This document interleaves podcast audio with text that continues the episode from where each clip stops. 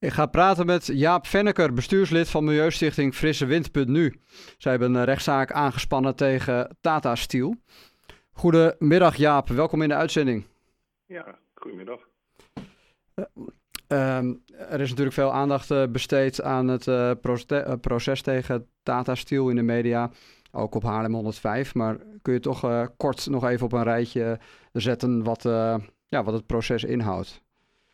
Ehm, nou, een jaar geleden is er aangifte gedaan voor door 1200 mensen in een tiental stichtingen. Um, nou, daar zijn we natuurlijk een jaar, uh, is dat heel erg in de media geweest ook. Nu heeft afgelopen februari heeft het Openbaar Ministerie besloten om een grootschalig onderzoek in te stellen. Nou, dat was natuurlijk echt heel, heel groot en heel goed nieuws. Mm -hmm. um, nou ja, dat is eigenlijk in grote lijnen wat er gebeurd is. En dat uh, onderzoek, kun je dat nog uh, kort uitleggen? Wat is daaruit uh, naar voren gekomen? Nou ja, dat onderzoek, ze gaan nu een onderzoek instellen. Kijk, wij hebben aangifte gedaan. Hè, hetzelfde als je een aangifte doet van een moordzaak. Van nou ja, er is een moord en nu zijn ze op zoek naar het lijk. Zo moet je het eigenlijk zien. Ja. Um, dat, zo, zo is het gegaan. En ja, kijk, dat het Openbaar Ministerie dat heeft opgepakt is natuurlijk buitengewoon goed nieuws. Kijk, Benedict Fiek, onze advocaat, heeft, dat, heeft dat voor ons gedaan. Um, kijk, Benedict Fiek heeft ook de tabakzaak gedaan, zoals ja. wel bekend. En uh, ja, daar is het nooit tot een uh, onderzoek van het OM geleid. En hier is dat onderzoek er wel. En dat is natuurlijk wel heel groot nieuws. Dat, dat, is, groot, uh, dat is groot nieuws. En nou, ook in het nieuws is deze week geweest dat een anonieme schenker 25.000 euro voor de juridische, juridische strijd tegen Tata heeft gedoneerd. Um, ja, kun je daar wat over, over zeggen? Waar zijn die donaties voor nodig? Ja, nou, die donaties zijn nu uh, nodig om het uh, onderzoek lopend te houden. Hè. Wij, wij, geven voortdurend gegevens aan het Openbaar Ministerie. Tenminste, dat doet Benedict Fiek natuurlijk. Ja, daar is natuurlijk geld voor nodig. En het is, uh, nou ja, het is een heel complex proces. kun, je, kun je uitleggen waar, ja, waarom zo'n proces zo, zo, lang duurt en waar de complexiteit in zit? Nou, kijk, in, het geval nu, hè, we, we zijn er voortdurend dossiers aan het inleveren. Um, we hebben ook uh, natuurlijk, die hebben in het, verleden ons al gemeld. Um, die zijn er nog steeds. Um, nou, die willen we natuurlijk ook graag, uh, die kunnen zich nog steeds melden bij het kantoor van Benedict, Benedict Fiek, wel of niet anoniem. nou, dat zijn dingen waar we natuurlijk mee bezig zijn. Kan ik me, kan, kan ik me voorstellen. En ja, dat, dat er schenkers zijn die inderdaad zo'n hoog bedrag over hebben voor deze juridische strijd. Had je dat verwacht? Uh, we hebben in het verleden wel vaker schenkers gehad die grote bedragen geschonken hebben. 5000 euro hebben we natuurlijk wel eens gehad.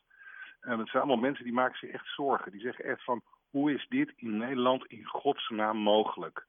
Dat bestuurders van een, van een bedrijf gewoon dit soort dingen kunnen doen. Ja, de schenker die we nu ook hebben, die, um, geeft ook aan van nou luister, um, ik vind het echt, hè, dus zelf een ondernemer, hè, dat zie je ook in het persbericht. Die zegt ook van ja, als ondernemer uh, tekenen wij allerlei zaken. Hè, en dan denk je dan over na, nou ja, als je, als je bestuurder bent van Tata Steel, ben je verantwoordelijk. Dat is waar het over gaat. Ja. Dat je willens en wetens de omgeving vervuilt, ja, dat kan natuurlijk echt niet. En hoe kijk jij naar de publieke opinie? Dit speelt natuurlijk al langer. Uh, nou ja, uh, Tata Steel brengt natuurlijk ook werkgelegenheid uh, met zich mee. Dus dat is altijd uh, nou, tussen bepaalde mensen die zitten misschien wel in een uh, spagaat. Hè? mensen werken daar of kennen mensen die daar werken. Maar ja, dit verhaal speelt ook. Hoe, hoe kijk jij naar die publieke opinie nu? Nou ja, kijk, vanaf de jaren 70 was het natuurlijk al in de krant. Hè? Je had al artikelen in de jaren 70 hè, waar nog stond over de grafietregens. Dat is natuurlijk niet, hè, niet onbekend ja, nu is het natuurlijk veel meer in de media. En we, we, we merken ook dat het uh, in de politiek dat, we dat, uh, nou, dat het gewoon natuurlijk heel erg mee zit. Um, ja, dat er mensen werken, dat is duidelijk. Hè? Kijk, maar die mensen werken daar ook en die moeten zich ook zorgen maken over hun gezondheid.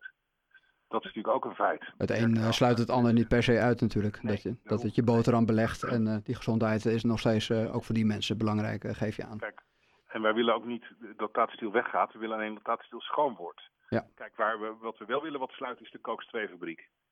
Um, dat is natuurlijk een fabriek die, uh, ja, die heeft dit jaar zijn 50-jarig jubileum. Nou, dat is een felicitatie waard zou je zeggen.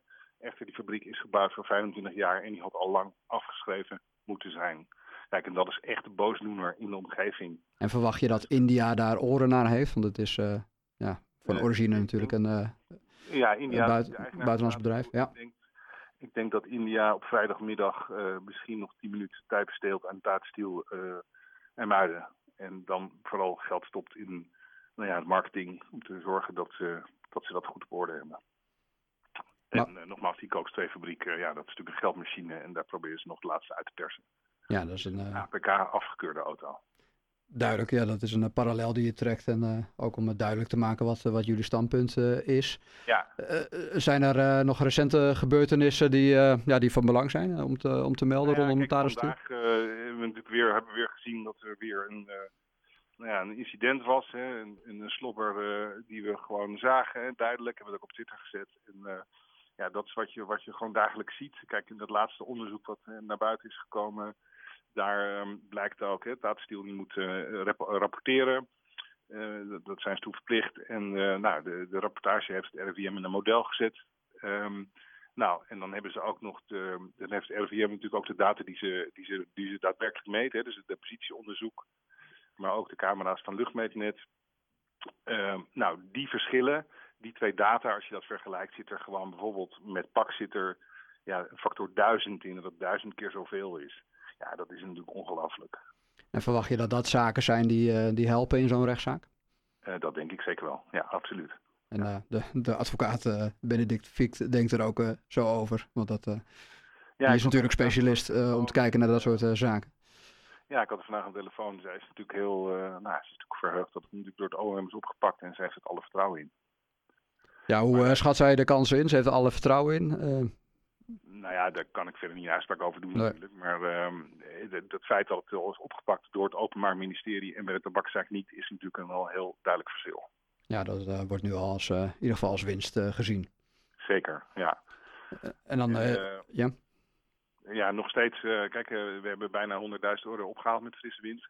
Um, dat is de eerste fase. Nou, de volgende fase hebben we dat ook zeker weer nodig om ervoor te zorgen dat het OM voorzien wordt van allerlei documentatie en begeleiding van klokkenluiders. En in dat opzicht zijn jullie afhankelijk van donaties die worden gedaan? Of zijn er ook nog andere ja, bronnen van, nee, van inkomsten om dat te financieren? nou ja, kijk, Benedict Fiek werkt voor een heel laag tarief. Dat hebben we natuurlijk wel het geluk mee. Hij is natuurlijk een top strafadvocaat. En, maar goed, er is nog steeds wel geld nodig, absoluut. Duidelijk. En uh, ja, nog één vraag, misschien iets anders, maar uh, je hebt wel eens een balletje opgegooid om eh, politiek actief te worden. Je zou te activistisch zijn om ja. Van GroenLinks deel uit, uit te maken. dat is al een tijdje geleden, is dat ook in het nieuws verschenen. Heb je nog politieke ambities, wellicht ja, om je aan te sluiten bij een andere partij? Ehm, nou ja, die vraag heb ik natuurlijk vaker gehad. Ehm, kijk, ik zet me nu heel erg in voor frisse wind. Kijk, op het moment dat ik natuurlijk in politiek zou gaan, dan moet ik dat neerleggen. En dat is op dit moment niet helemaal de bedoeling. Dat is ook niet uh, te combineren, maar in de wat verdere toekomst sluit je, sluit je nou, dat niet uit? Ja, wie weet. Ja, misschien richten we nog wel een partij op over vier jaar, je weet het niet. Duidelijk. Uh, Jaap, wil je verder nog iets uh, kwijt hierover? Iets nou ja, we nog niet behandeld hebben. De gaan van frissewind.nu, donaties zijn altijd welkom. Um, nogmaals, als je um, wilde, als je gewerkt hebt in het verleden bij Tata, als je het hoort, als je dingen hebt meegemaakt, je kunt je altijd melden bij ons en bij het kantoor van Benedict Fiek, wel of niet anoniem. Duidelijk. Jaap, ik wil jullie veel succes wensen met de rechtszaak tegen Tata Steel. En bedankt dat je in de uitzending wilde komen. Oké, okay. en succes met je uitzending verder. Dank je. Jaap Venneker, bestuurslid van Milieustichting Frisse Wind.nu.